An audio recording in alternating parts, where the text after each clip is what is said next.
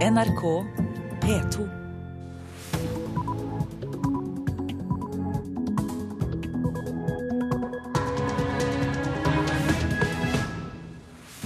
Velkommen til Nyhetsmorgen. Klokka er 6.30. Programleder i dag er Anne Jetlund Hansen, og dette er hovedsakene den neste halvtimen.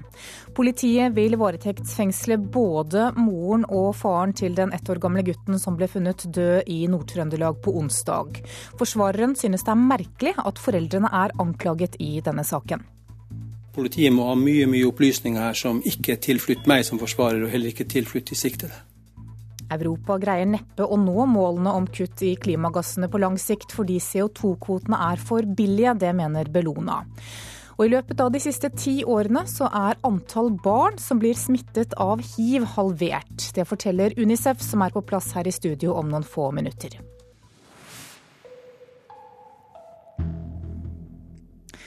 Aller først tar vi med at Et strømbrudd på Marienlyst har ført til at det har vært stille i NRKs radiokanaler i dag morges.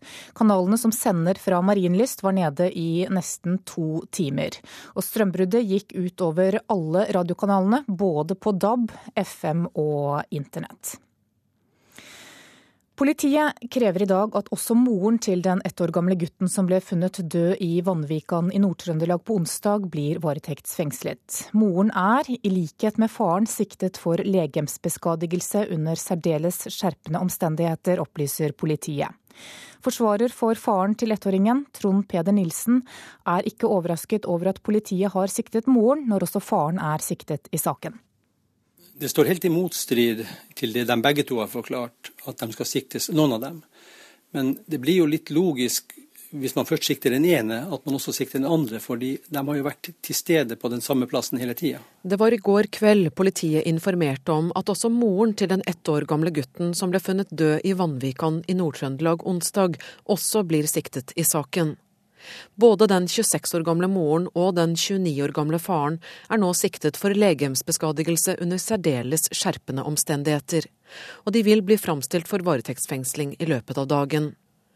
Det er ennå ikke fastslått hvordan barnet døde, men trolig vil foreldrene bli konfrontert med svarene fra den foreløpige obduksjonsrapporten i formiddag, sier farens forsvarer Trond Peder Nilsen.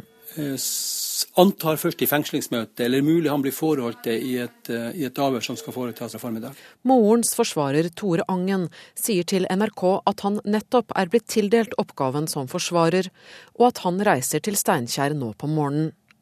Han ønsker ikke å kommentere saken ytterligere, før han har møtt sin klient og fått se dokumentene i saken.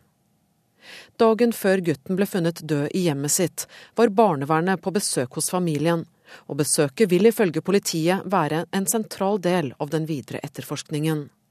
Inntil videre stiller forsvarer Trond Peder Nilsen seg uforstående til at politiet ønsker å fengsle foreldrene. Det, jeg tenker om det at Politiet må ha mye mye opplysninger her som ikke er tilflytt meg som forsvarer, og heller ikke tilflytt de siktede. Reporter her var Kristine Næss Larsen. Europa greier neppe å nå målene om kutt i klimagassene på lang sikt, fordi CO2-kvotene er for billige, det mener Bellona. Nå håper politikere og miljøbevegelsen på at EU kutter antall utslippskvoter drastisk.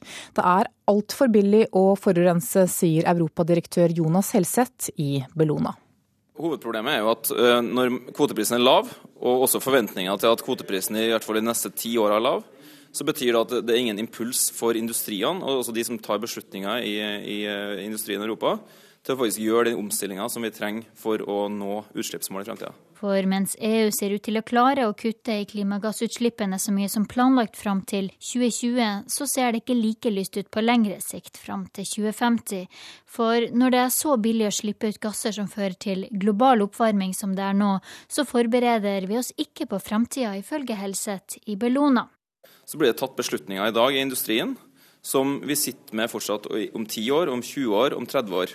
Altså, De beslutningene som gjøres i dag, låser oss inn med fremtidige utslipp. og Derfor er det veldig viktig at vi får nå også noen signaler om at man er seriøs på utslippsreduksjoner i fremtida. Håpet nå er at EU snart kutter drastisk i antall utslippskvoter, sier miljøpolitisk talsmann i SV Heikki Holmås. Altså det viktigste vi kan gjøre er å stramme inn kvotesystemet og redusere antall utslippstillatelser. På den måten så vil du klare å nå to ting. Du vil både sørge for å øke prisene på å forurense, sånn at det kan bidra til omstilling både i Norge og i Europa. Og Det andre du gjør, er jo at du øker ambisjonene for, eh, for EU og for alle EU-landene. Eh, og Det tror jeg er helt nødvendig for å få på plass en internasjonal klimaavtale. Holmås mener Norge bør be EU om å kutte kvotetallet drastisk. Og det samme mener Høyres parlamentariske leder Nikolai Astrup. Men tror du at, at Norge, lille Norge skal greie å få EU med på altså, å kutte kvotene raskere enn det som er lagt opp i dag? Vel, nå er jo ingenting eh, lagt opp til etter 2020. Alt eh, er i og for seg i støpeskjeen i disse dager. og Derfor er det viktig at eh, regjeringen gjør det den har sagt den skal gjøre, nemlig å spille inn allerede før jul sine signaler til hvordan EUs klima- og energipolitikk skal se ut etter 2020. Samtidig så må vi ta vår del av ansvaret her hjemme ved å føre en offensiv klimapolitikk og vise at det er mulig å kombinere høy levestandard med et lavutslippssamfunn. Men store kutt i utslipp her hjemme vil koste så mye at ingen politikere så langt har klart å lede Norge mot å bli et lavutslippssamfunn. Reportere her var Linda Reinholdsen og Halvard Norum. I løpet av de siste ti årene så er antall barn under 15 år som blir smittet av hiv halvert. Det viser en fersk rapport fra FNs barnefond, Unicef. Og på søndag så er det verdens aids-dag, og generalsekretær Bernt G. Apeland i Unicef Norge får en god nyhet å markere dagen med. Det er en fantastisk nyhet. Eh, en epidemi som jo har drept millioner av mennesker siden 1980-tallet, er nå på rask retur. Og det som er enda mer gledelig, er at vi nå har en aids-fri generasjon veldig nært i sikte. Ja, Hvor lang tid kan det ta? Ja, vi beregner at hvis vi klarer å fortsette med det tempoet vi har nå, og øker det lite grann, så vil vi kunne klare å ha en aids-fri generasjon i 2020, altså bare om sju år. Men skal vi få til det, så må vi fortsette med det som har virka, eh, og det som er grunnen til at vi ser de gledelige tallene vi ser nå det at vi, har, er, vi ser nå resultatene av et målbevisst arbeid om å hindre smitteoverføring fra mor til barn. Eh, under svangerskapet, under fødsel og i forbindelse med amming. Eh, og Hvis vi klarer å fortsette med det, så er det altså sju år til vi forhåpentligvis kan erklære eh, en aids-fri generasjon i verden. Ja, hvordan har vi klart å få til eh, begrensning av den type smitte? Det er egentlig to ting. Eh, for det første så har vi, begynt, har vi klart å teste flere. Og Det er jo det viktigste, at vi finner ut at mor faktisk har hiv-smitte. For hvis hun har det, så må vi sette henne på behandling. Og hvis hun blir satt på behandling, så er sjansen for at barnet får smitte nesten null. Eh, og så har vi fått en mye enklere behandling. Før så måtte du ha mange forskjellige piller i løpet av eh, en dag. Og det var et veldig sånn strengt regime, vanskelig å følge opp og vanskelig å administrere. Nå er det én pille hver dag. Eh, mye enklere å fordele og mye enklere for mor å følge opp. Dette gjelder altså barn, men hva skjer med dem som da klarer å unngå smitte fram til de er 14, når de da blir ungdom og unge voksne? Ja, Dette er jo en av de utfordringene vi ser i det, i det gledelige bildet. For hvis du ser på eh, ungdom mellom 10 og 19, eh, så er det den eneste gruppa der antallet aids-dødsfall går opp. Eh, og det skyldes egentlig to ting. For det første så er det dessverre slik fortsatt at barn får mye mindre behandling enn det voksne gjør. Eh, det er bare en tredjedel av alle barna som er smittet som får den behandlingen de trenger. Hvorfor det? Det er for det første fordi det er eh, mange land så er det fortsatt sånn at barn ikke får det som voksne får. For det andre så er det litt mer kompliserte medisiner for barn fortsatt, og det er dyrere. Sånn at det er sammenhengen der.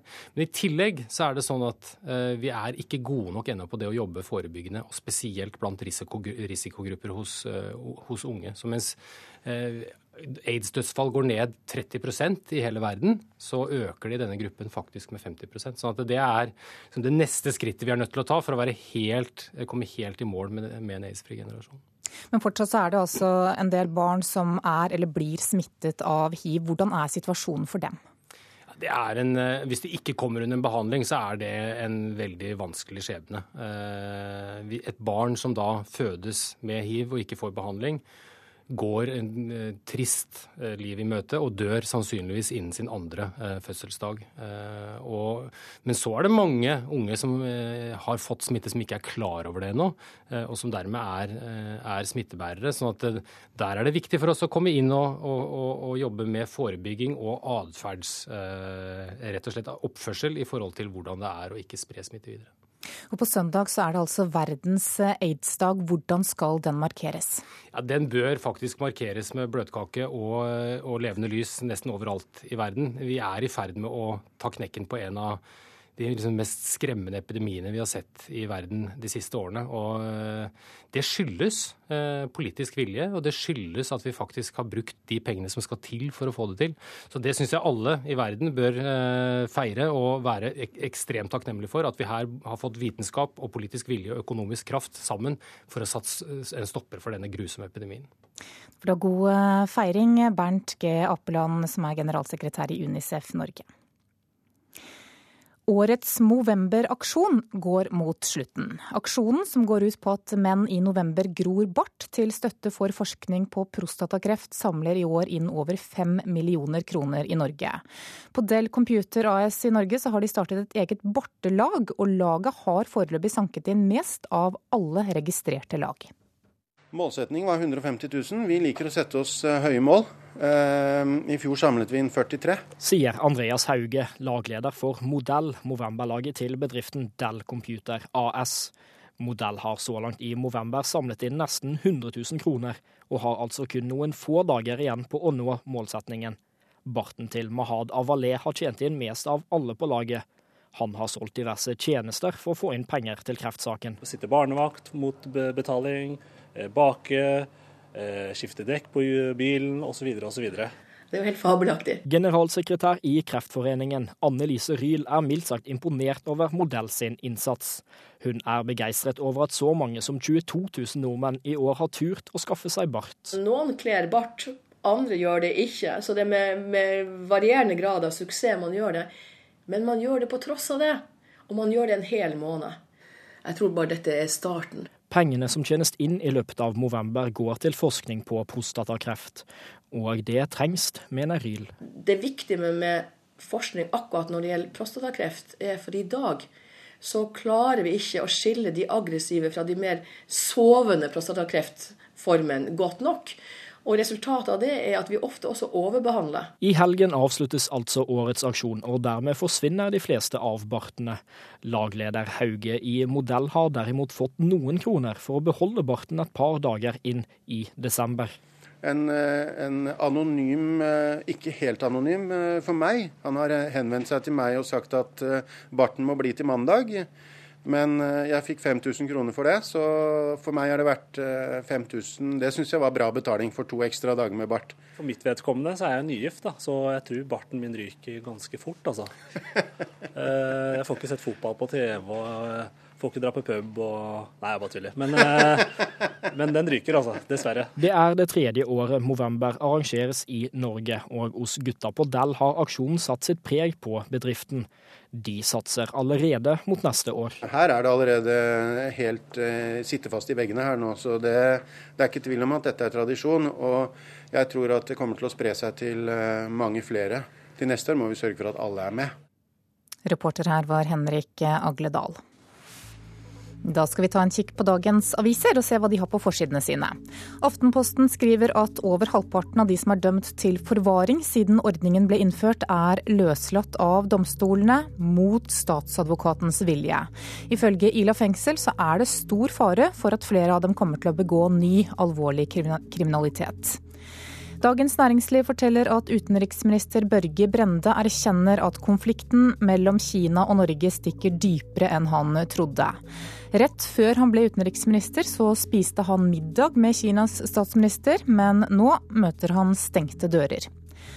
Røde Kors sier til Vårt Land i dag at papirløse innvandrere mangler rettsvern i Norge. Organisasjonen er bekymret over at norske myndigheter vil stramme inn hjelpen fra velferdsstaten enda mer.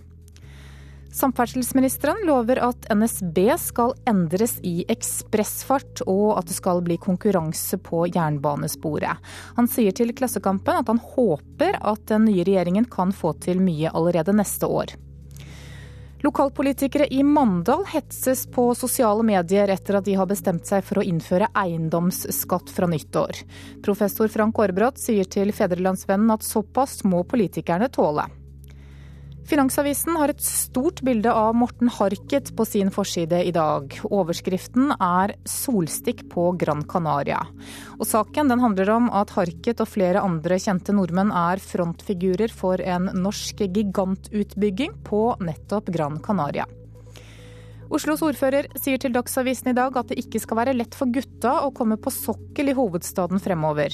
750 gater i Oslo er oppkalt etter menn, bare 100 etter kvinner, og også de aller fleste statuer og byster er av menn.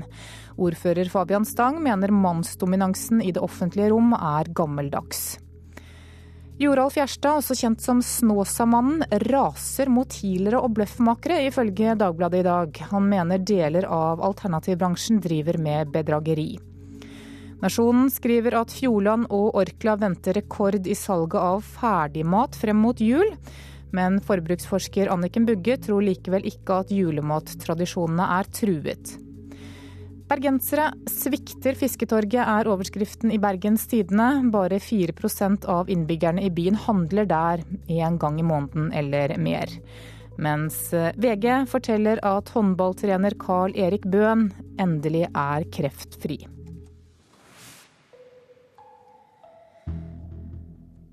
Da skal vi ha sport her i Nyhetsmorgen. Skiskytter Tora Berger har nærmest gjort det til en vane å starte sesongen dårlig. For siden forrige OL-sesong så har hun bare vært blant de ti beste i verdenscupåpningen bare en eneste gang. Og derfor bekymrer ikke Berger seg over en litt trå start på sesongen. Jeg har nå bomma tidligere òg, så ja, jeg får bare rette på det. Tora Berger trakk oppgitt på skuldrene etter verdenscupåpninga. Det hender så kommer litt sånn småfeil. Men eh, det skal helst ikke gjøre det i konkurranser. For verken her i Østersund eller under den nasjonale åpninga på Sjusjøen har ting fungert på standplass. Men selv om statistikken viser hele 18 bom på de fire første konkurransene, så er ikke Lesja-jenta bekymra. Det er ganske vanlig. Det var vel kun i fjor at jeg hadde en bra åpning, så jeg er ikke sånn kjempebekymra sånn sett, men Det er faktisk ganske bra, bra åpning. Tross en start under pari kan Tora faktisk smile med rette. For skiskytterdronninga har tidligere levert sterke resultater på tross av noen dårlige åpningsrenn.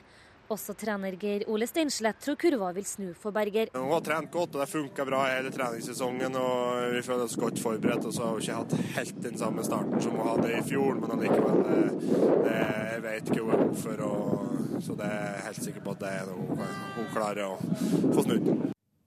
Og reporter i Østersund, det var Kristine Norvik Skeide, og sprinten starter klokka 17.45. Og rapporterer i Her og nå og direkte på NRK P1.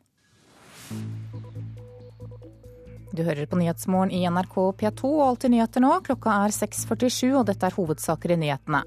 Politiet krever at også moren til den ett år gamle gutten som ble funnet død i Vanvikan i Nord-Trøndelag på onsdag, blir varetektsfengslet. Begge foreldrene blir fremstilt for retten i dag.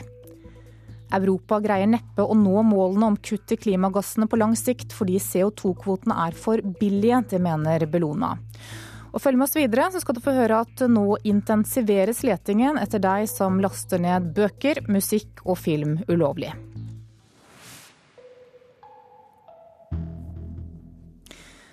Men først skal det handle om vindkraft. For interessen for å bygge ut vindkraft er stor og økende, men ikke alle planene er realisert så langt.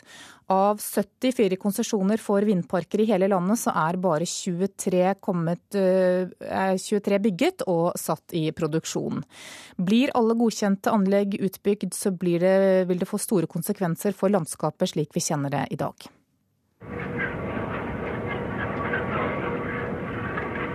Det er mye vind, og teknologien fungerer godt. Det går så det suser i Høgjern energipark. 32 vindmøller har vært i full drift i ett års tid nå. Og vinden har vært mer enn gavmild. Mellom 18 og 9% høyere produksjon enn riktignok konservative anslag er daglig leder i Norsk Vindenergi, Lars Helge Helvik, godt fornøyd med. Og Vi produserer fortsatt over det som er estimert. Og I tillegg så er det veldig høy oppetid, dvs. Si at de er i drift i rundt 98-99% av tiden. Men foreløpig er få godkjente planer satt ut i livet. Norges vassdrags- og energidirektorat, NVE, har hittil gitt 23 konsesjoner for vindparker bare i Rogaland, og nesten like mange søknader er under behandling. Men bare fire anlegg er kommet i produksjon. Og tendensen er lik ellers i landet. Totalt sett har NVE gitt 74 konsesjoner. 23 av disse er realisert. Bildet i hele landet er at det er levert inn flere søknader enn det som man har sagt skal bygges fram til 2020. Sier politisk rådgiver Siri Hall Arne i Miljøstiftelsen Zero. Hun er i Sandnes for å backe opp norsk vindenergi. Oppmuntret av suksessen på Høg-Jæren, står de også bak en av de omstridte søknadene i Sandnes øst. Da er det viktig for oss å få fram hvorfor det er så viktig at òg Sandnes og storbyregionen her tar del i den omveltningen som, som må til. Sier Lars Helge Helvik. Men de mange konsesjonene og søknadene skaper også atskillig uro. For hva vil skje dersom alle planene blir satt ut i livet? Ja, da må vi antagelig tegne vår oppfatning av eh, kartet på ny.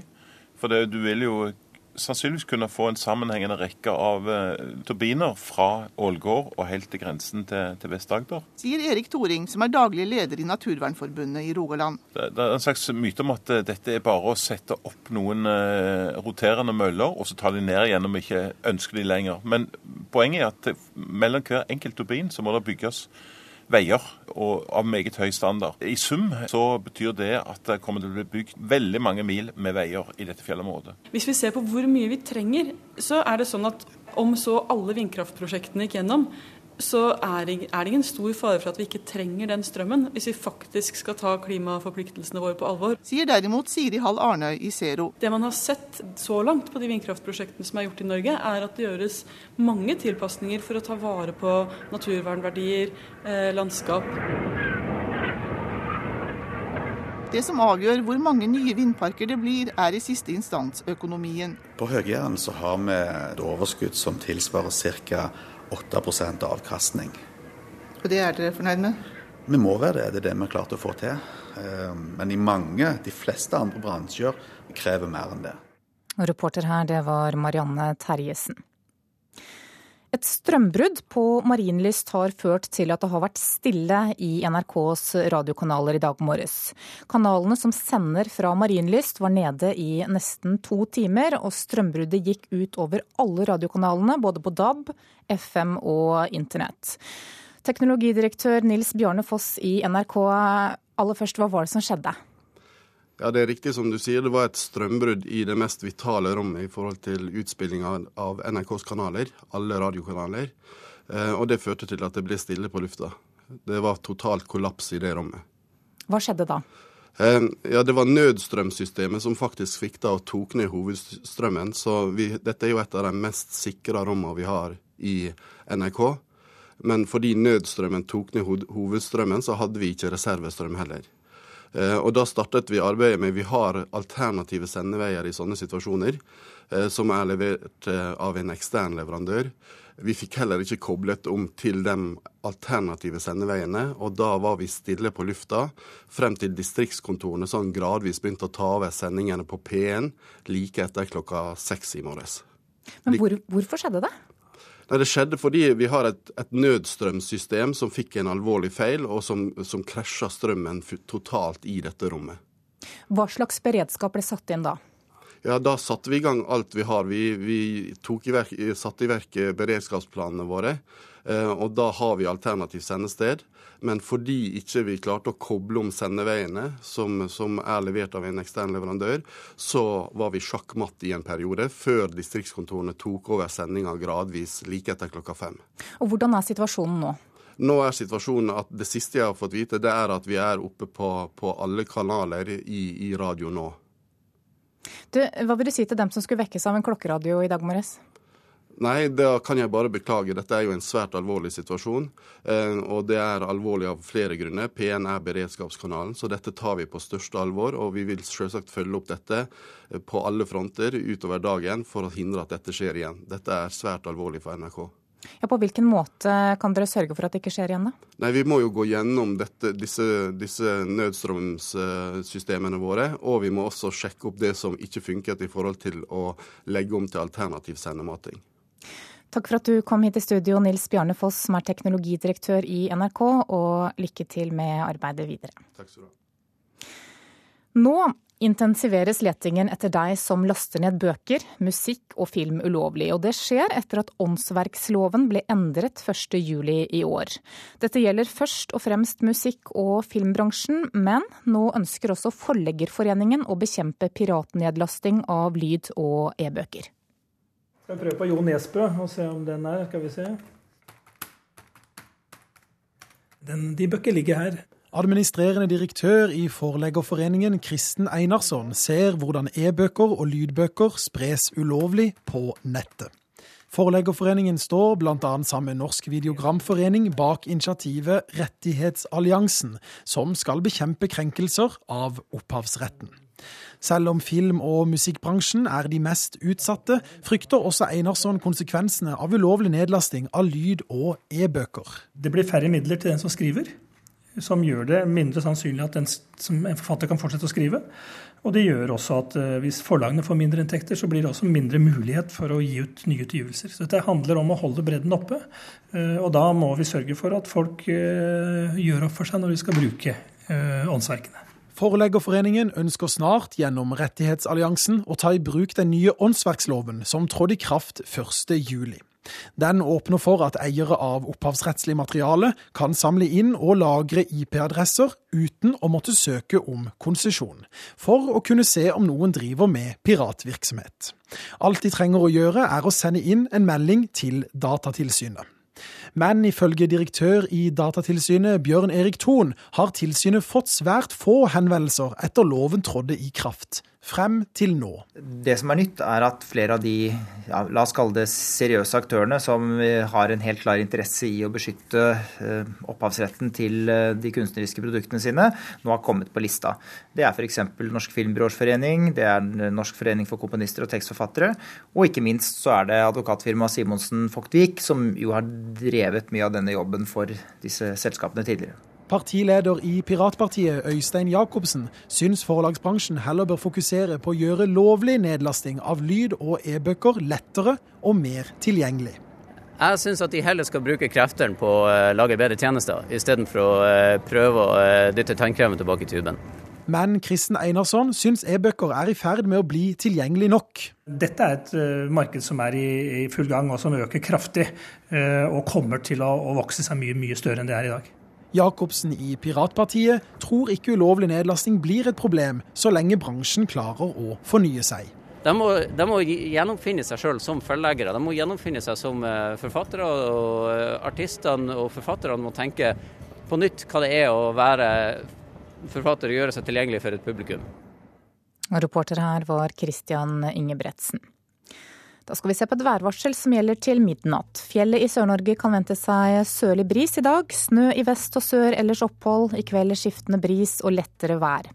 Østlandet, Telemark og Aust-Agder skiftende bris. Litt snø, regn nær kysten, nedbør først i øst. I kveld nordlig bris og opphold. Vest-Agder økning til nordvestlig liten kuling på kysten. Stiv kuling vest for Lindesnes. Regn, snø i høyden. I kveld nordlig bris og opphold. Rogaland og Hordaland sørlig stiv kuling, i formiddag nordvestlig stiv kuling. Fra i ettermiddag frisk bris og regnbyger. Sogn og Fjordane må belage seg på sørlig sterk kuling i dag. I ettermiddag vestlig frisk bris. Ved Stad liten kuling. I kveld nordvestlig frisk bris, regnbyger og snø i høyden. Møre og Romsdal sørlig liten kuling. Fra i ettermiddag frisk bris av skiftende retning. Regnbyger og snø i høyden. Trøndelag sørlig frisk bris, fra i ettermiddag skiftende bris, litt sludd eller snø. Nordland skiftende bris, i kveld nordvestlig liten kuling utsatte steder og snøbyger. Troms nordvestlig liten kuling utsatte steder og snøbyger også der. Finnmarksvidda vestlig bris, enkelte snøbyger i nord, ellers opphold. Kyst- og fjordstrøkene i Finnmark sørvestlig opp i liten kuling. Fra i ettermiddag nordvestlig stiv og periodevis sterk kuling, ellers snøbyger. Og på Nordensjøland på Spitsbergen er det ventet nordvestlig frisk bris. Fra i ettermiddag liten kuling, litt snø i vest, ellers opphold. Så tar vi med noen temperaturer som ble målt klokka fire. Da hadde Svalbard lufthavn minus 16 grader, Kirkenes minus 6, Vardø minus 3, Alta minus 5, Tromsø minus 2, Bodø og Brønnøysund 0, Molde, Bergen og Stavanger 4 plussgrader, Kristiansand 2, Gardermoen 0, Lillehammer 1, Røros minus 2 og Oslo-Blindern 1 plussgrad klokka fire. Strømbrudd på Marienlyst førte til tause radiokanaler i NRK i dag tidlig. Boligprisene kommer til å falle videre, sier ekspertene. Her er NRK Dagsnytt klokken sju. Det har vært stille i NRKs radiokanaler i nesten to timer i dag tidlig pga. strømbrudd på Marienlyst. Strømbruddet gikk utover alle radiokanalene, både på DAB, FM og internett. Og teknologidirektør her i NRK, Nils Bjarne Foss, hvordan kunne dette skje?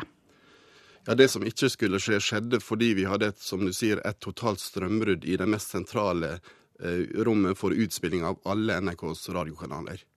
Men fins det ikke aggregater som overtar når strømmen går? Jo, det gjør det. Og det som var det alvorlige her nå, det var at det var nettopp nødstrømsystemet som tok ned hovedstrømmen. Slik at det var den sikkerheten som vi skulle ha i en sånn situasjon, som faktisk førte til feilen. Og da hadde vi feil både på hovedstrømmen og på sikkerhetssystemet, og derfor så feila det. Betyr dette at beredskapen i NRK ikke er god nok? Det viser i hvert fall i morges at, eh, at, all den beredskapen som vi har lagt inn til tross, så kunne det bli feil. Og det må vi gå gjennom nå i etterkant for å sikre at det ikke skjer igjen. Ja, Så hva gjør det nå? Vi tar en fullstendig gjennomgang både av dem, våre interne systemer og våre eksterne leverandører for å hindre at dette skjer igjen. Takk til deg, teknologidirektør i NRK Nils Bjørne Foss. Over eh, halvparten av de som er dømt til forvaring, slippes fri, selv om statsadvokaten mener de er farlige. Av 57 prøveløslatte forvaringsdømte i år, er hele 36 løslatt mot påtalemyndighetens vilje. Det skriver Aftenposten i dag. Hensikten med forvaring er at farlige kriminelle skal måtte søke om å få slippe ut fra fengsel, slik at de kan holdes bak murene til det er helt trygt å slippe dem ut igjen. Boligprisene kommer til å falle videre. Det sier ekspertene. Sjeføkonom Harald Magnus Andreassen i Svedbank mener vi kan få et boligkrakk. Hvis norske boligpriser skal komme tilbake til der de var for ikke så lenge siden, og der hvor mange andre lands boligpriser er i dag, ja, så er nedsiden svært stor. Et realprisfall på en 35-40% vil ikke være overraskende stort, faktisk. Mandag kommer boligtallene for november. Hvor stort fallet blir, avhenger av hvem du spør. Vi må regne med en, neste år kanskje boligpriser som i gjennomsnitt ligger en, mellom 5 og 10% lavere enn det vi har i år, og, og, kanskje kan det falle ytterligere inn i 2015. Sier sjefanalytiker Erik Bruse i Nordea Markets. Nå vil de falle til gangs. Sier Jan Andreassen, sjeføkonom i Eika-gruppen. Vi har 2% ned både i november og desember. Reporter her var Sindre Heierdal. NRK Dagsnytt, Ida Creed. Nyhetsmorgen. Klokka er 7.03, og Nyhetsmorgen fortsetter i P2 og Alltid nyheter med Anne Jetlund Hansen i studio. Den neste halvtimen får du høre at Mattilsynet setter i gang med omfattende kontroller for å avsløre uekte halalkjøtt. Og ekspertene tror at boligprisene skal falle videre. Men aller først skal det handle om folk som er dømt til forvaring. For mange av disse slippes fri, selv om statsadvokaten mener de er farlige. Av de 57 prøveløslatte forvaringsdømte i år, så er 36 løslatt mot påtalemyndighetens vilje, melder Aftenposten. I starten av 2013 var 200 personer dømte til forvaringsstraff i Norge. I januar var over halvparten av disse satt fri, ifølge en oversikt laga av Kriminalomsorga sitt utdanningssenter. Forskningsleder Berit Johnsen sier at kriminalomsorga er svært forsiktige med å sette fri forvaringsdømte, fordi de er redde for at de skal utføre nye kriminelle handlinger. Når påtalemakta ikke samtykker i prøveløslating slik den forvaringsdømte ønsker, blir saka fremma for retten og avgjort med dom. Retten og påtalemakta er svært ofte uenige om det er fare for gjentaking av kriminelle handlinger. I 36 av de 57 sakene som har vært opp for retten i år, valgte retten å sette de forvaringsdømte fri på prøve, mot påtalemakta sin vilje. Flere av de som blir satt fri av retten, har fremdeles høy fare for å gjenta alvorlig kriminalitet, sier Knut Bjarkeid, direktør ved Ila fengsel og forvaringsanstalt til Aftenposten. Riksadvokaten vil ikke gi en generell kommentar til domstolen sine avgjørelser, men sier det er uheldig dersom det blir skapt et inntrykk av at det er usemje mellom påtalemakta og domstolen. Reporter her var Marte Halsør. Mattilsynet setter nå i gang med omfattende kontroller for å avsløre uekte halalkjøtt. Halalkjøtt er kjøtt som er produsert på en måte som gjør at muslimer skal kunne spise det, og mye av kjøttet som selges som halalkjøtt i dag, er ikke halal. Mye er smuglerkjøtt, hevder Islamsk råd Norge. Her, denne fryseboksen. Mm. Er ikke halal. Så bra. Mm. Dere, dere har merket tydelig ja. hvor halalvarer er. Generalsekretær i Islamsk råd Norge, Meta Bafsar, er fornøyd med det han ser hos Bakhtiar Sultan Panah i Oslo kjøttsenter. Men her ser jeg jo mange varer med Islamsk råd Norges logo. Det er jo bra. På nyåret skal altså Mattilsynet kontrollere halalkjøtt over hele landet. Og de gjør det i tett samarbeid med Islamsk råd Norge, som har laget egne retningslinjer for kjøttleveransene til det muslimske markedet.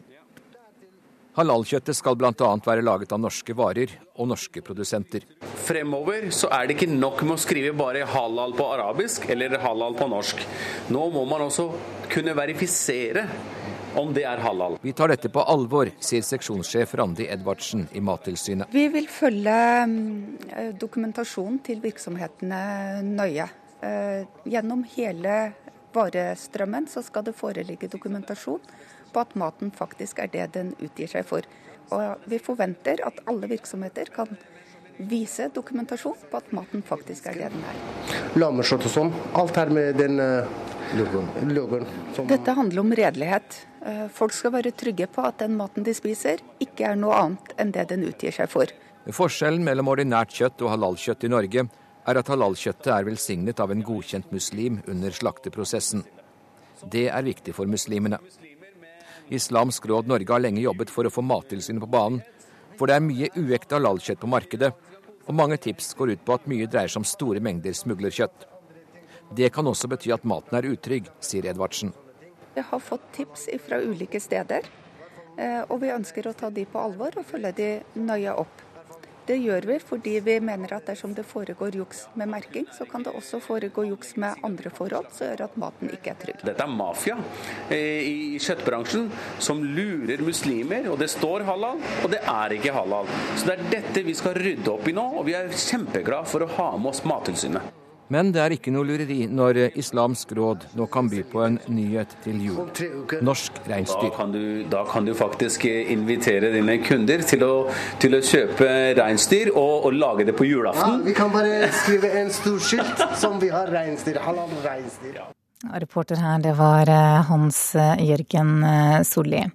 Kjell S. Rakkenes, konserndirektør for kommunikasjon, samfunnskontakt og mattrygghet i Nortura, velkommen. Takk.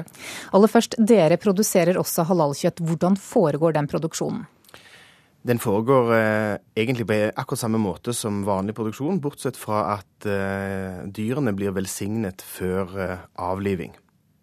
Hva er utfordringene for dere med denne produksjonen?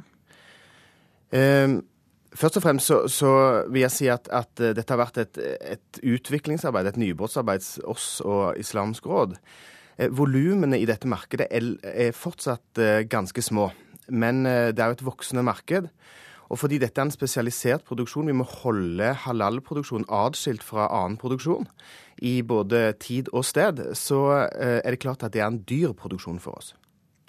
Mattilsynet skal som vi hørte, sette i gang omfattende kontroller etter tips om at det selges uekte halalkjøtt, og at det kan dreie seg også om smuglerkjøtt. Er det et tips som dere også har fått?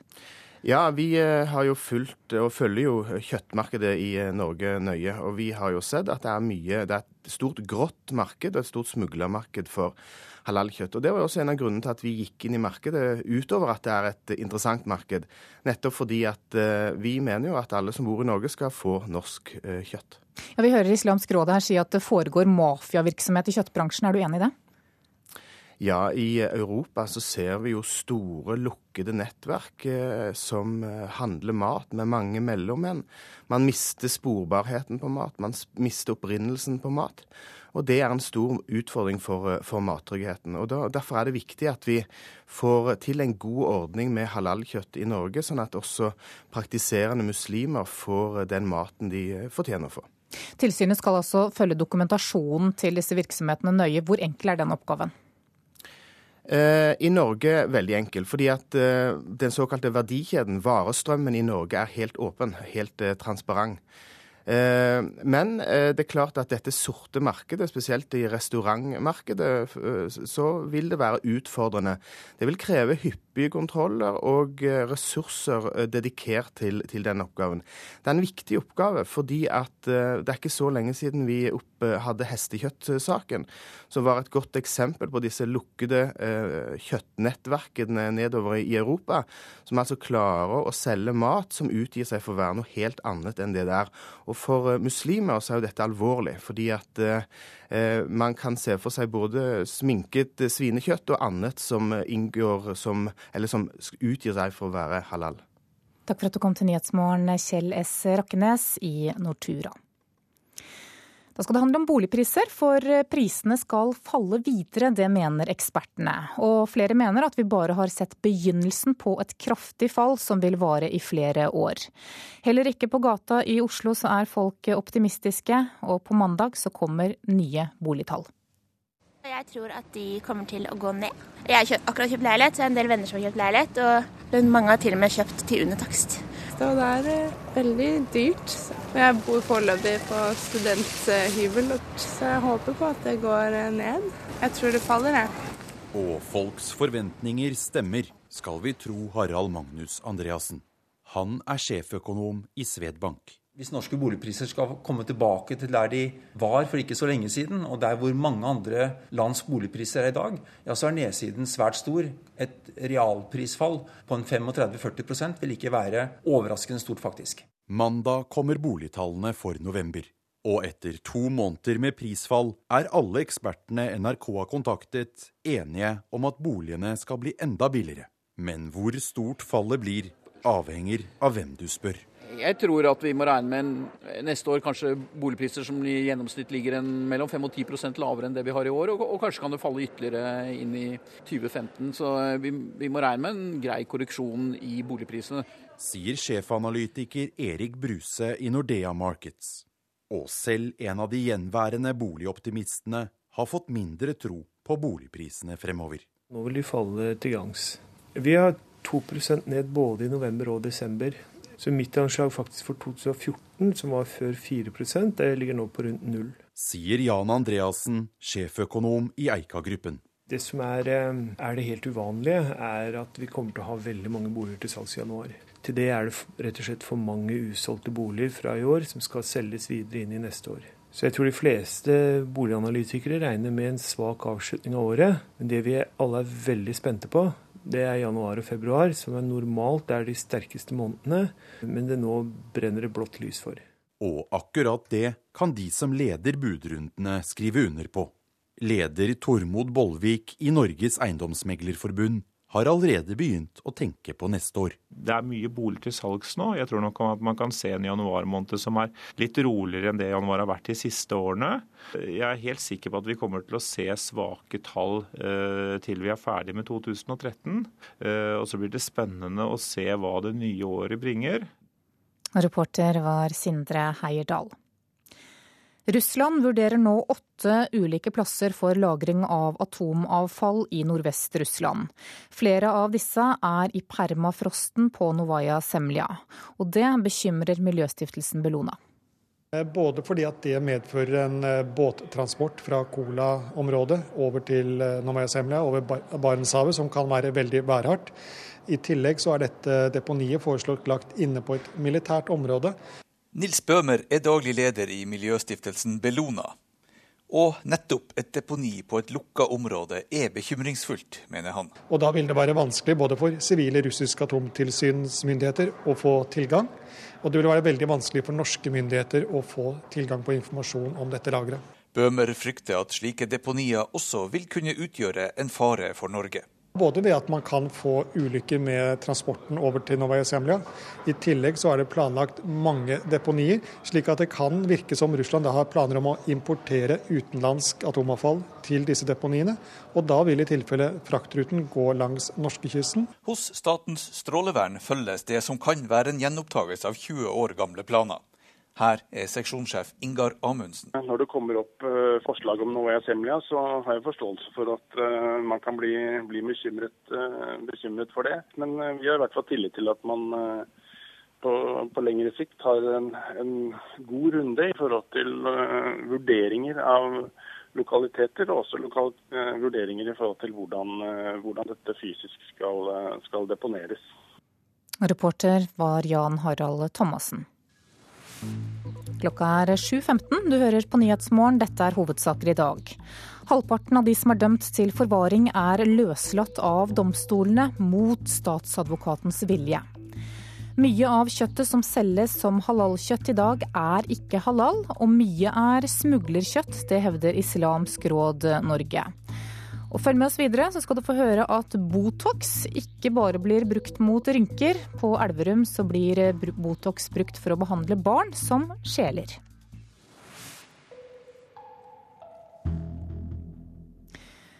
I Egypt så er det uro etter at myndighetene vedtok nye lover som gjør det svært vanskelig å demonstrere. Myndighetene har fått sterk internasjonal kritikk, men dette ser ikke ut til å ha noen effekt. Flere titalls mennesker er pågrepet for å ha protestert mot loven, blant dem noen av de mest kjente aktivistene fra oppstanden som ledet til Hosni Mubaraks fall.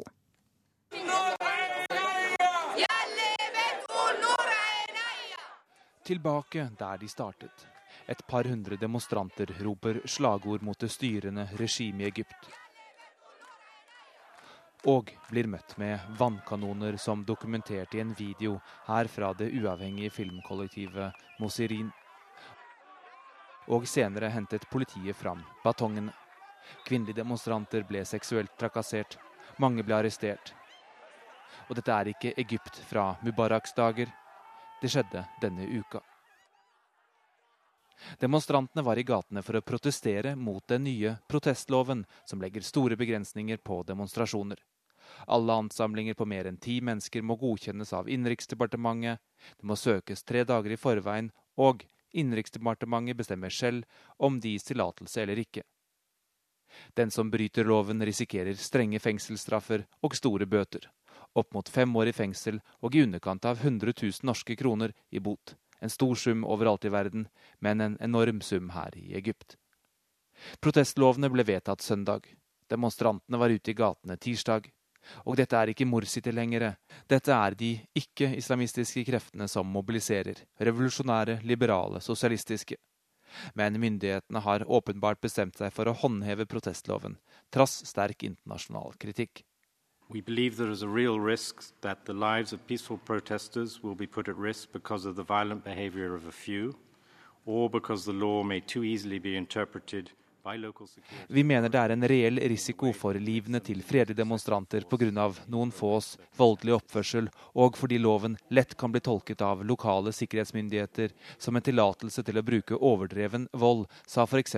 talsmann Rupert Colville på vegne av FNs menneskerettighetsråd. Han oppfordret egyptiske myndigheter til å endre på loven. Menneskerettighetsorganisasjonen Human Rights Watch mener myndighetene bruker protestloven som et carte blanche til å angripe demonstranter. Protestlovene er i utgangspunktet mer rettet mot Morsi-tilhengernes stadige protester, men nå risikerer myndighetene konflikt på to fronter. Blant de arresterte er noen av Egypts mest kjente revolusjonære fra to og et halvt år tilbake, som Mona Saif eller Ahmed Harara, som mistet begge øynene i demonstrasjoner mot Mubarak og senere militærrådet. Andre kjente folk som Ahmed Maher, tidligere leder for 6. april-bevegelsen, og Allah Abdel Fattah, er begge under etterforskning for å ha oppfordret til demonstrasjonene. Alliansen mellom revolusjonære krefter og islamister som veltet Mubarak, er ikke lenger mulig etter Mohammed Morsis tid ved makten.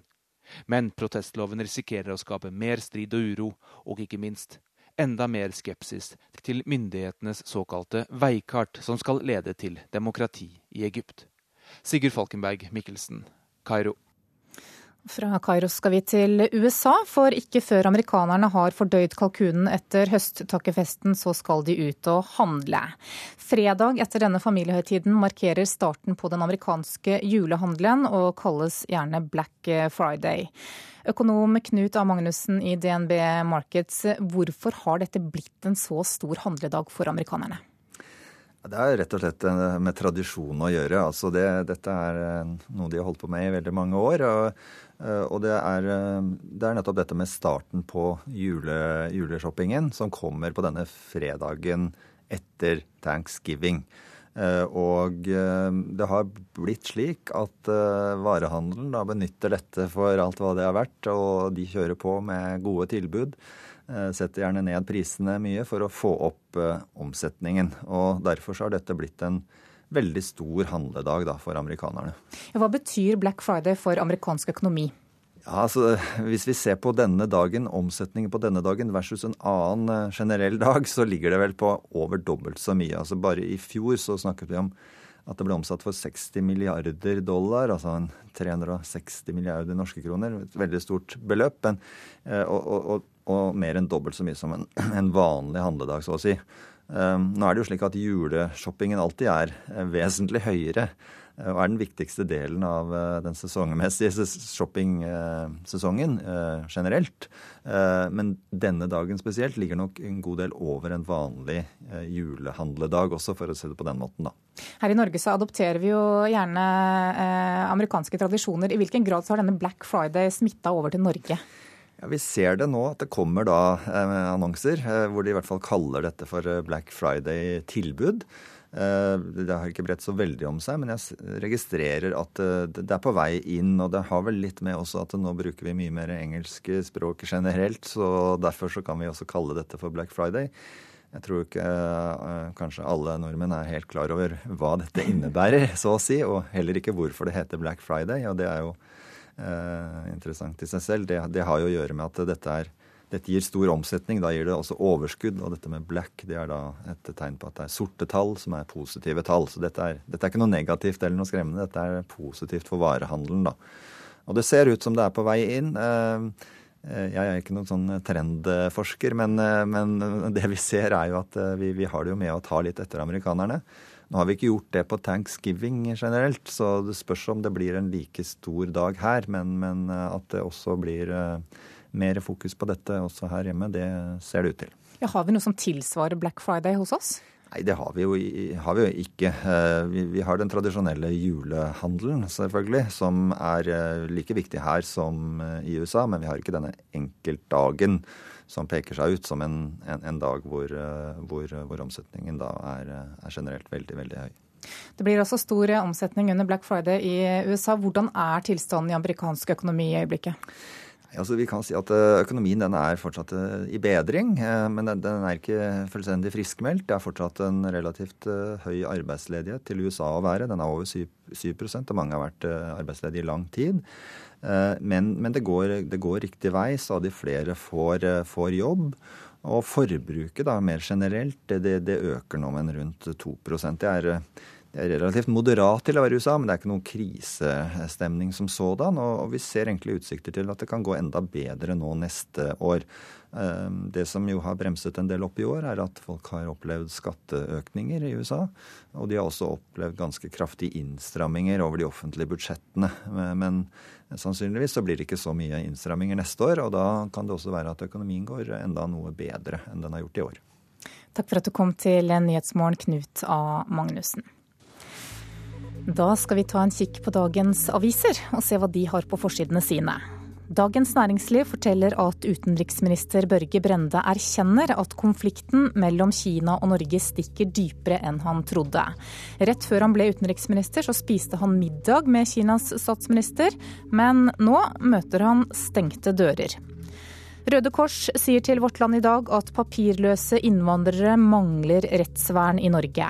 Organisasjonen er bekymret over at norske myndigheter vil stramme inn hjelpen fra velferdsstaten enda mer.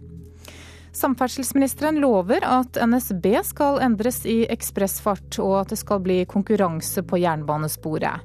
Han sier til Klassekampen at han håper at den nye regjeringen kan få til mye allerede neste år. Lokalpolitikere i Mandal hetses på sosiale medier etter at de har bestemt seg for å innføre eiendomsskatt fra nyttår. Professor Frank Aarbrot sier til Fedrelandsvennen at såpass må politikerne tåle. Finansavisen har et stort bilde av Morten Harket på sin forside i dag. Overskriften er 'Solstikk på Gran Canaria'. Og Saken handler om at Harket og flere andre kjente nordmenn er frontfigurer for en norsk gigantutbygging på nettopp Gran Canaria.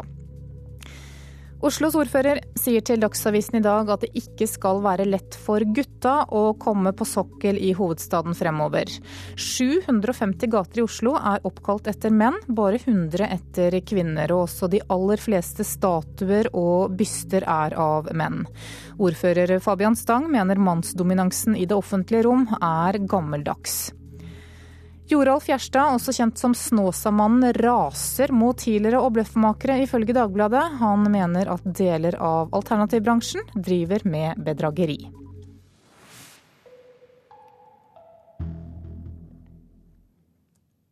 En østeuropeisk kvinne bosatt i Bergen saksøker staten for å få bli i Norge. Hun mener at hun blir utsatt for psykisk terror av ektemannen sin. Utenlandske kvinner som gifter seg med norske menn får midlertidig opphold i Norge, men dersom de går fra mannen før det har gått tre år, så må de ut av landet. Og kvinnens advokat Kristine Hånes mener staten må endre praksis.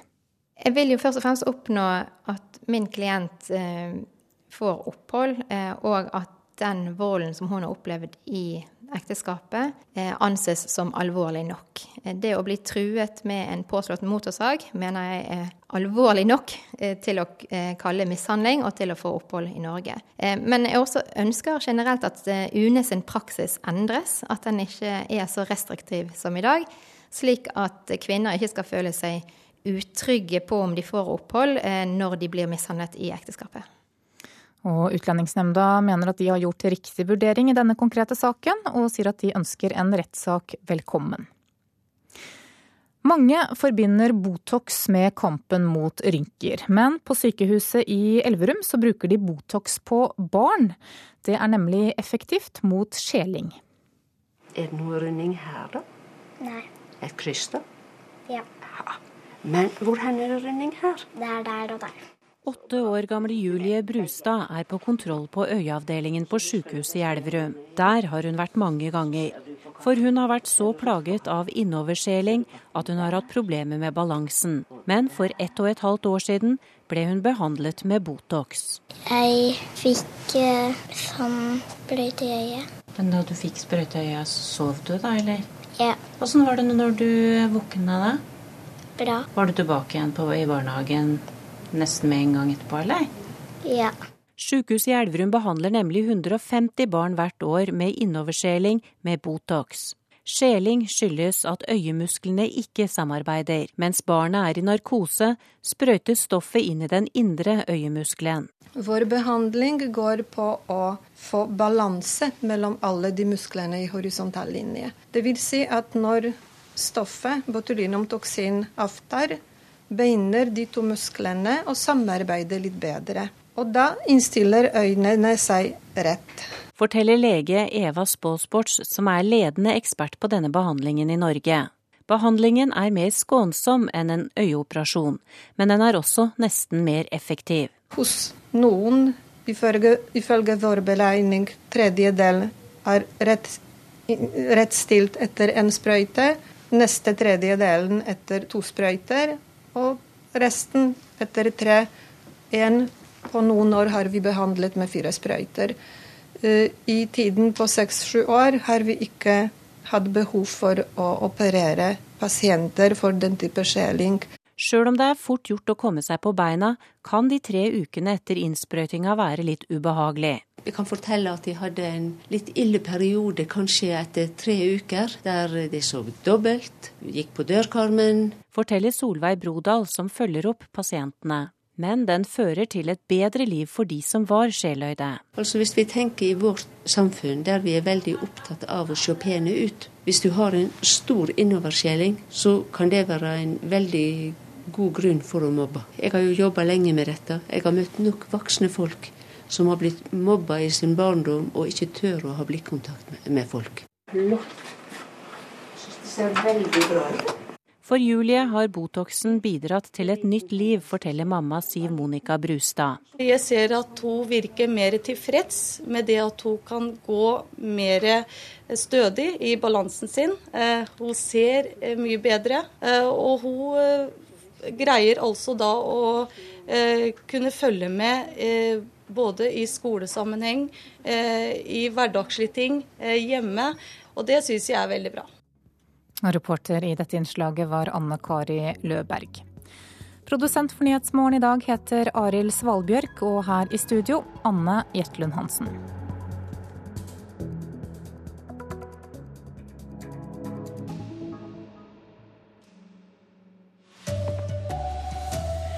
Forvaringsdømte slippes ut på prøve, selv om de regnes som farlige. Alle NRKs radiokanaler var av lufta etter et strømbrudd på Marienlyst i natt. Og demonstranter har stormet hærens hovedkvarter i Bangkok. Her er NRK Dagsnytt klokken 7.30. Over halvparten av de som er dømt til forvaring, slippes fri, selv om statsadvokaten mener de er farlige. Av 57 prøveløslatte forvaringsdømte i år, er 36 løslatt mot påtalemyndighetens vilje, skriver Aftenposten. I starten av 2013 var 200 personer dømte til forvaringsstraff i Norge. Over halvparten av disse er satt fri, ifølge en oversikt laga av Kriminalomsorga sitt utdanningssenter. Målet med forvaring er at farlige kriminelle skal måtte søke om å slippe ut av fengsel, men kan likevel bli holdne bak murene til det er trygt å slippe dem ut. Forskningsleder Berit Johnsen sier til Aftenposten at kriminalomsorga er svært forsiktige med å sette fri forvaringsdømte, fordi de er redde for at de skal utføre nye kriminelle handlinger. Når påtalemakta ikke samtykker i prøveløslatinga slik den forvaringsdømte ønsker, blir saka fremma for retten og avgjort ved dom. Retten og påtalemakta er svært ofte uenige om det er fare for gjentaking av kriminelle handlinger. I 36 av de 57 sakene som har vært opp for retten i år, valgte retten å sette de forvaringsdømte fri på prøve, mot påtalemakta sin vilje. Flere av de som blir satt fri av retten, har fremdeles høy fare for å gjenta alvorlig kriminalitet, sier Knut Bjarkeid, direktør ved Ila fengsel og forvaringsanstalt.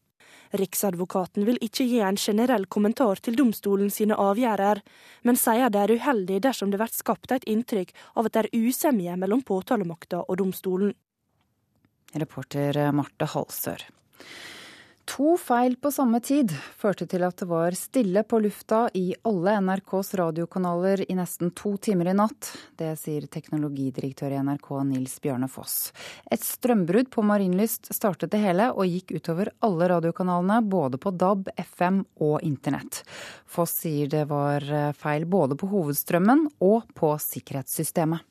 Det som var det alvorlige her nå, det var at det var nettopp nødstrømsystemet som tok ned hovedstrømmen. Slik at det var den sikkerheten som vi skulle ha i en sånn situasjon, som faktisk førte til feilen. Og da hadde vi feil både på hovedstrømmen og på sikkerhetssystemet, og derfor så feila det. Betyr dette at beredskapen i NRK ikke er god nok? Det viste i hvert fall i morges at, at, all den beredskapen som vi har lagt inn til tross, så kunne det bli feil. Og det må vi gå gjennom nå i etterkant for å sikre at det ikke skjer igjen. Mye av eh, kjøttet som selges som halalkjøtt i Norge er ikke halal, og mye er smuglerkjøtt. Det hevder Islamsk råd Norge. Halalkjøtt er kjøtt som er slaktet for at muslimer skal kunne spise det. Nå tar Mattilsynet affære for å bli kvitt uekte halalkjøtt på det norske markedet. Her, denne fryseboksen. Mm. Er ikke halal? Så bra. Mm. Dere, har merket tydelig hvor halal-varer er. Generalsekretær i Islamsk Råd Norge, Meta Bafsar, er fornøyd med det han ser hos Bakhtiar Sultan Pana i Oslo kjøttsenter. Men her ser jeg jo mange varer med Islamsk Råd Norges logo. Det Dette handler om redelighet. Eh, folk skal være trygge på at den maten de spiser, ikke er noe annet enn det den utgir seg for. Det sier seksjonssjef Randi Edvardsen i Mattilsynet. På nyåret skal tilsynet kontrollere halalkjøtt over hele landet, Og de gjør det i tett samarbeid med Islamsk Råd Norge, som har laget egne retningslinjer for kjøttleveransene til det muslimske markedet. Vi vil følge mm, dokumentasjonen til virksomhetene nøye. Og vi forventer at alle virksomheter kan vise dokumentasjon på at maten faktisk er det den er. På disken, lammekjøtt og sånn. Alt her med den logoen. Forskjellen mellom ordinært kjøtt og halalkjøtt i Norge er at halalkjøttet er velsignet av en godkjent muslim under slakteprosessen. Det er viktig for muslimene. Islamsk Råd Norge har lenge jobbet for å få Mattilsynet på banen, for det er mye uekte halalkjøtt på markedet, og store mengder er smuglerkjøtt, sier Meta Bafsar. Dette er mafia i kjøttbransjen som lurer muslimer. og Det står halal, og det er ikke halal. Så Det er dette vi skal rydde opp i nå, og vi er kjempeglade for å ha med oss Mattilsynet. Salget av halalkjøtt øker kraftig i Norge, sier Nortura. I fjor ble det solgt rundt 900 tonn, og mye tyder på at salget i år passerer 1200 tonn. Reporter var Hans Jørgen Solli. I Thailand har flere enn 1000 demonstranter nå stormet hærens hovedkvarter i Bangkok. Store demonstrasjoner har rystet Thailand de siste dagene, og demonstranter har okkupert en rekke departementer i Bangkok og rådhus i andre byer. Demonstrantene krever at statsministeren og regjeringen går av. Tungt bevæpnede menn kidnappet de to svenske journalistene som er savnet i Syria. Det forteller den syriske kvinnen som var tolken deres til avisen Aftonbladet. Den syriske aktivisten Afra satt i bilen sammen med den svenske journalisten Magnus Falkehed og fotografen Niklas Hammerstrøm da de ble bortført sist helg. Hun var fikseren deres, altså en lokalkjent som hjelper journalister med avtaler og tolking. Presseteamet hadde tatt seg inn i de opprørskontrollerte områdene og var på vei ut av Syria mot den libanesiske grensen da flere biler kom mot dem. En mann åpnet ild og skjøt over bilen vår med automatvåpen, forteller syriske Afra til svenske Aftonbladet. Vi ble tvunget til å stanse, sier hun. Afra kunne ikke se hvilken militant gruppe de tilhørte, men hun forsto raskt at planen var å kidnappe svenskene. Vi forsøkte å forhindre det, forsøkte å beskytte dem, men det hjalp ikke, vi kunne ikke forhindre bortføringen. Afra har fortalt dette til den svenske ambassaden i Beirut, som forsøker å spore opp de forsvunne svenskene. Ifølge organisasjonen Reportere uten grenser er 60 pressefolk savnet i Syria nå. Sa utenriksmedarbeider Sissel Wold. Etter to måneder med prisfall er ekspertene enige om at boligene skal bli enda billigere. Flere mener vi bare har sett begynnelsen av et kraftig fall som vil vare i flere år. Sjeføkonom i Svedbank Harald Magnus Andreassen mener prisene skal ned mellom 35 og 40 Årets Movember-aksjon går mot slutten. Aksjonen, som går ut på at man i november gror bart til støtte for forskning på prostatakreft, samler i år inn over fem millioner kroner i Norge. På Dell Computer AS har de startet et eget bartelag, og de har foreløpig samlet inn mest av alle hva skal vi si, grasrotengasjementet har bare tatt litt overhånd her. Sier Andreas Hauge, lagleder for Modell, Movember-laget til bedriften Dell Computer AS. Modell har så langt i november samlet inn nesten 100 000 kroner til forskning på prostata og testikkelkreft.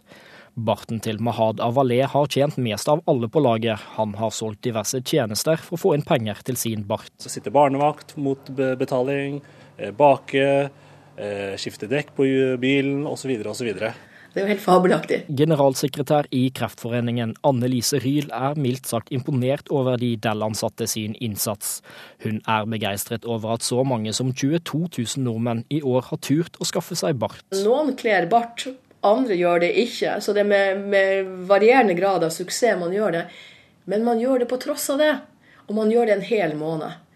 Jeg tror bare dette er starten. Det er tredje året Movember arrangeres i Norge, og på Dell Computer har aksjonen allerede rukket å sette sitt preg på bedriften. Her er det allerede helt eh, sittefast i veggene her nå, så det, det, er ikke tvil om at dette er tradisjon. Og jeg tror at det kommer til å spre seg til eh, mange flere.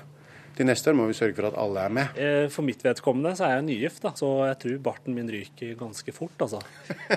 Eh, jeg får ikke sett fotball på TV. og Får ikke dra på pub og Nei, jeg bare tuller. Men, eh, men den ryker, altså. Dessverre. Det gjør det. Reporter Henrik Agledal. Petter Northug har ingen tro på seier i verdenscupåpningen i Kosamo. NRKs langrennsekspert sier før sprinten i dag at han aldri har hørt Northug så defensiv. Sånn, følelsesmessig så kommer jeg vel ikke videre. Da blir det vel eh, et tøft løp på, på lørdag nå for min, der jeg sikkert ikke kjemper om noen topp 15-plassering. Northug har pleid å gjøre det bra her i Kosamo. I fjor vant han sammenlagt etter spurt mot Uleksanin. Denne gangen er han på defensiven, sier NRKs langrennsekspert Carl Henning Gran. Det er ikke vanlig å høre Petter snakke seg selv ned i forkant av eh, store konkurranser.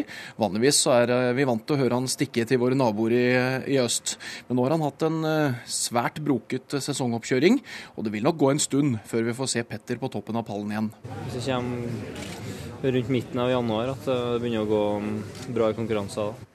Reporter her var Pål Thomassen, og det blir rapporter fra Kosmo på NRK P1 fra klokken 12.30. Ansvarlig for dagsnyttsendingene denne morgenen er Elin Pettersen. Teknisk ansvarlig er Hanne Lunås. I studio Ida Creed. Klokka er 7.40 og Nyhetsmorgen fortsetter. Israels kjendisverden rystes av en stor skandale. For en av landets store artister, nemlig Eyal Golan, har vært med på å misbruke tilhengere som er mindreårige. Og kjendisens far og venner har brukt Golans status for å skaffe seg unge tenåringsjenter. יש רגעים נגמרות לי המילים det finnes øyeblikk da jeg ikke finner ord, synger Eyal Golan. Og slik har han det nok nå. Sølvstrupen, artisten og superkjendisen som brått har falt fra stjernehimmelen. Han har solgt hundretusener av CD-er, vært programleder i egne TV-show og dommer i det nye Idol-programmet Den kommende stjerne, som NRK besøkte i høst. Men nå har han trukket seg som dommer. Politiet bekrefter at Golans 63 år gamle far Daniel Biton og vennen Tsahi Ausulin, ansatt i Golans produksjonsselskap, utnyttet sitt nære forhold til sangstjernen for å kunne bruke unge jenter under 16 år, ivrige fans som ville gjøre alt for å treffe sitt store idol. Faren og vennen lovet et ukjent antall jenter at de skulle få være sammen med superstjernen, ja, kanskje gå til sengs med ham, men først måtte de ligge med dem. Ifølge politiet var det Biton og Asolin, og ikke stjernen selv, som organiserte orgiene. Golans far og assistent er mistenkt for kynisk å ha brukt Golans stjernestatus for å utnytte ungjenter som var blendet av stjerneglansen og muligheten for å møte Eyal Golan. אם יש גן עדן או מקום מסתור עכשיו, חבקי אותי. Om Edens hage finnes, eller et annet sted å søke tilflukt, så trøst meg og hel sårene mine, synger Eyal Golan i en av sine mest kjente sanger. Eyal Golans familie kommer fra Marokko og Jemen. Han representerer misrahi-kulturen, altså uttrykket israelere med røtter fra Midtøsten har beriket Israels kulturliv med. Golan med sine øredobber og gullenker har vært misrahi-musikkens posterboy. Golan lanserte sin egen parfyme for menn med navnet Ego etter initialene hans. Han giftet seg med Miss Israel og fikk barn, men ekteskapet havarerte. Alle kunne sangene hans utenat. Kommentator i Ediot Achronot, Ras Shechnik, beskriver det nasjonale sjokket slik. Eyal var kongen av Israel. Han gikk hjem hos alle. Han ble bedt om å opptre på nasjonens store begivenheter.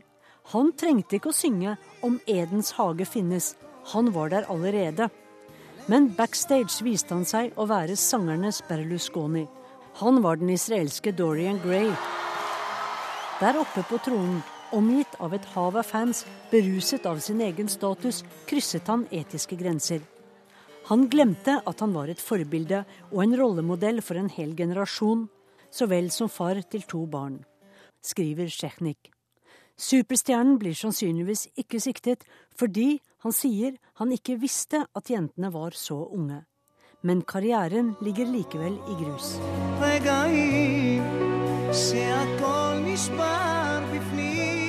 Øyeblikk når alt inni meg knuses.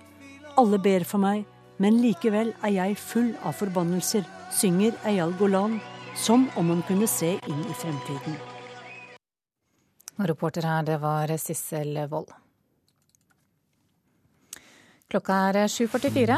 Du lytter til Nyhetsmorgen, og dette er hovedsakene våre. Halvparten av de som er dømt til forvaring er løslatt selv om statsadvokaten mener at de kan være farlige. Mattilsynet setter i gang med omfattende kontroller for å avsløre uekte halalkjøtt. Og ekspertene tror at boligprisene skal falle videre. Da er det klart for Politisk kvarter, der radikaliseringen i enkelte islamske miljøer er ett av temaene i dag, programleder Per Arne Bjerke. Vi må bli bedre til å forebygge radikalisering, sier justisministeren, og møter Arbeiderpartiets Hadia Tajik til debatt. Og vår siste gjest begynte som bygningsarbeider, men endte opp med å bekle flere av samfunnets toppverv.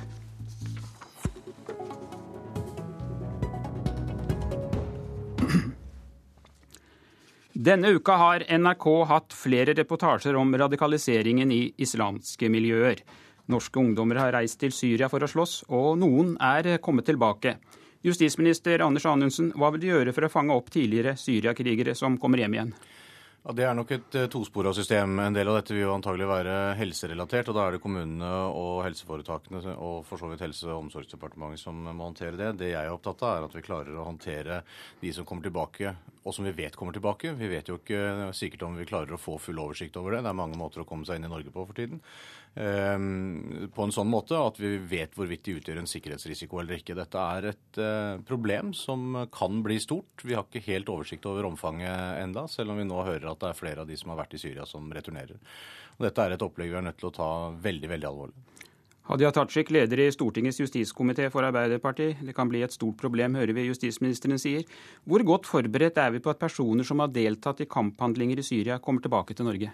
Det som er viktig, er at eh, Norge ikke er uforberedt på at det skjer. For PST forteller jo at eh, det er mellom 30 og 40 som reiser ut, og at en del av de òg kommer tilbake. Og de er bekymra for at en del av de kommer tilbake med inspirasjon eller motivasjon til å begå lovbrudd òg i Norge. Eh, og det man da trenger, er for det første en kartlegging av eh, hvem dette er. En oversikt over eh, hvor sammensatt denne gruppen er. Det er forskjeller både i alder, i bakgrunn, i livssituasjon, men òg ikke minst er det forskjeller i, i hvilken grad de kan utgjøre en risiko for det norske samfunnet. Så trenger man målretta tiltak som gjør at man klarer å fange de opp og at man klarer å følge de tett. For man kan ikke gå og vente på at noe kan skje på norsk jord. Og noe kan være en sak for politi og rettsvesen, og noe kan være en sak for helsevesenet, og det kan være andre institusjoner.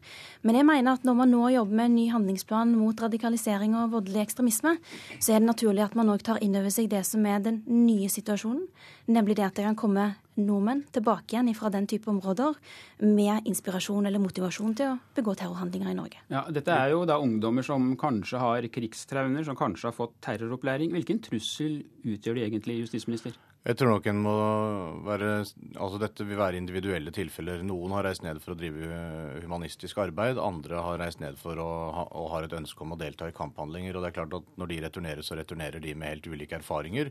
Og vi utgjør en eh, helt ulik uh, trussel. Derfor er det viktig at PST gjør det PST skal gjøre, nemlig jobber for å få oversikt over hvordan denne situasjonen egentlig er, og om det er noen av de som returnerer som utgjør en bestemt trussel. Det som også er en utfordring, er jo at det er ikke bare at de har ideologisk påfyll, men de kan ha tilegna seg kapasiteter som kan virkelig true norske interesser. Så vi er nødt til å ha god oversikt eh, over hvem som utgjør en sånn potensiell trussel. Og så er det også viktig, tror jeg, når vi nå jobber med en ny handlingsplan for eh, forebygging mot radikalisering, at en, som representanten Tajik eh, også sier, at vi nå ser på den situasjonen som er. Og det er bakgrunnen for at vi også har gjort dette så raskt. Det var en av de første tingene vi gjorde i denne regjeringen. Det var å starte arbeidet med en ny handlingsplan mot radikalisering og voldelig ekstremisme. For vi ser hvor hvor store utfordringer dette påfører det norske samfunn. Hadia Tajik, du har selv sittet i regjering inntil for seks uker siden. Føler du at eh, norske politikere har vært nok, opp, nok oppmerksomme på dette problemet? Noen viktige skritt er tatt. Den første handlingsplanen mot radikalisering og voldelig ekstremisme den kom allerede i 2010. Og den har lagt et viktig grunnlag som eh, jeg mener at man må videreføre, men òg bygge videre på og utvikle mer i den neste handlingsplanen. Men noe annet som òg ble gjort under den forrige regjeringen, var jo òg å stramme til terrorlovgivningen, sånn at det er straffbart å forberede terrorhandlinger, å motta terrortrening og det å delta aktivt i terrororganisasjoner, sånn at det er flere straffebud innenfor terrorlovgivningen.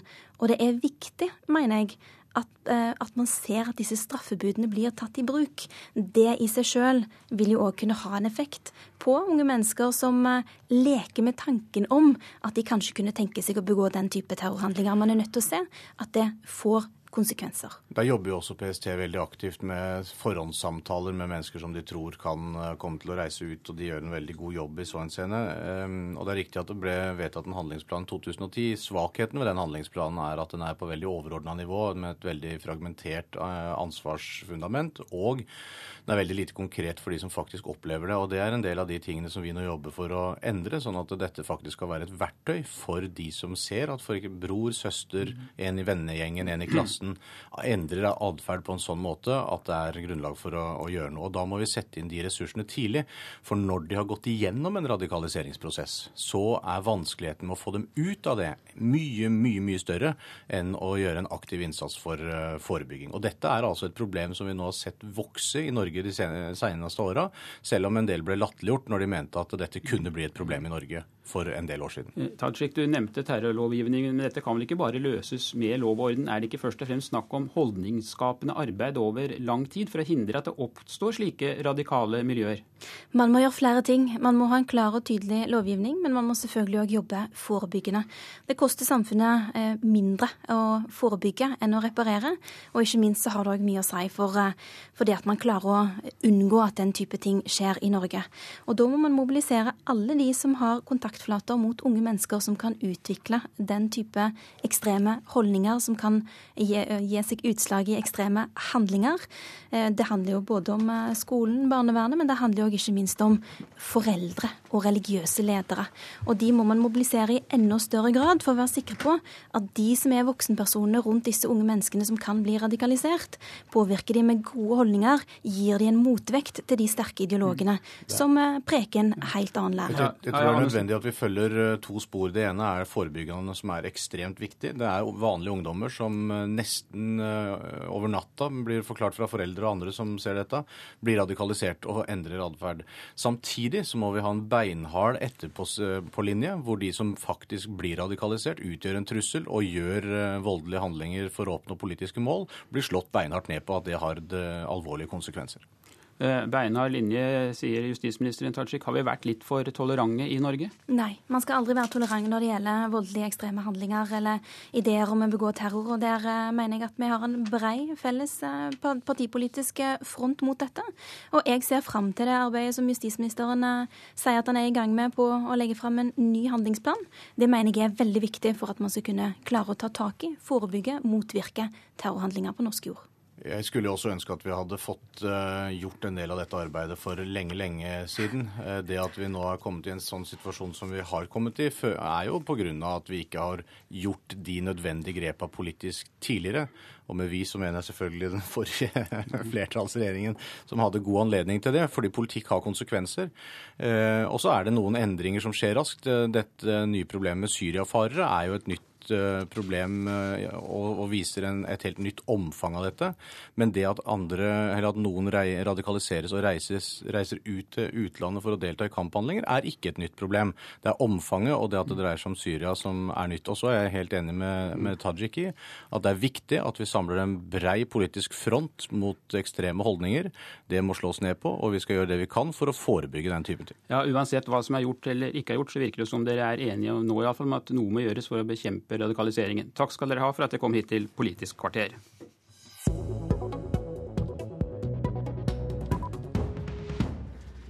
Neste gjest fyller 66 år om eh, noen dager. Han har gjort seg bemerket ved å opptre på toppmøtet i Nato iført kremgul dress. Han har vært forsvarsminister, arbeids- og administrasjonsminister, stortingspresident, og i går ettermiddag la han frem sin siste rapport som riksrevisor. Velkommen til Politisk kvarter, Jørgen Kosmo. Takk skal du ha. Det er ikke så mange igjen av din type. Du er utdannet tømrer, var bygningsarbeider i ti år, men bekledde etter hvert en rekke av samfunnets toppverv. Hva var det som førte deg inn i politikken? Det var vel eh, engasjement i fagbevegelsen. Og derigjennom også oppdaga at skulle du rekke å ta vare på arbeidsfolk sine rettigheter, så måtte du også engasjere deg politisk. De siste åtte årene er du blitt kjent som en hardtslående og frittalende riksrevisor der du har svingt svøpen over departement og offentlige institusjoner. Hvor mye slums er det i offentlig virksomhet? Ja, er, norsk offentlig virksomhet er gjennomgående god, men det er helt åpenbart at det er ganske mange ting, spesielt på greia samarbeidet mellom sektorene, som er betydelig utfordrende i fremtida. Vi har veldig mange konger på haugen. Og og, greie å få disse kongene til å jobbe på tvers av eh, ulike etater er en kjempestor utfordring for enhver regjering. Ja, bare De siste ukene så har de jo kritisert Nav for ikke å gjøre nok for å få folk i arbeid. Og i går fikk vi høre at omstillingen ved Oslo universitetssykehus ikke har ført til forbedringer for pasientene. Betyr dette da at vi har et for tungrodd og ineffektivt byråkrati? Vi, eh, vi har et om ikke tungrodd, så i hvert fall et byråkrati som er omstendig, og det skal vi på mange måter ha. Det er bedre at man tenker seg om og gjør ting skikkelig, enn at man uh, gjør ting fort og, og gærlig. Men uh, når det gjelder uh, slike omstillingsprosesser, så bør det være et alminnelig krav om at man gjør gode risikovurderinger på forhånd og er forberedt på de utfordringene som ligger foran. Eh, eh, forberede folk på store omskiftinger. og Her var det gjort for dårlige risikovurderinger, og de risikovurderingene som var gjort, ble på mange måter ikke tatt på alvor. Slik at eh, prosessen har ikke ført til de resultatene for pasientene som vi hadde håpa på. Hvem er det som har ansvaret for at det er blitt slik? Er det da toppsjefen i byråkratiet, eller er det til slutt politikerne dette handler om? Ja, det er jo et delt ansvar. Politikerne har et ansvar for å sette klare mål og øh, sørge for at det er virkemidler til stede for å gjennomføre disse målene. Og så er det jo de administrative kreftene som på mange måter har ansvaret for gjennomføringen.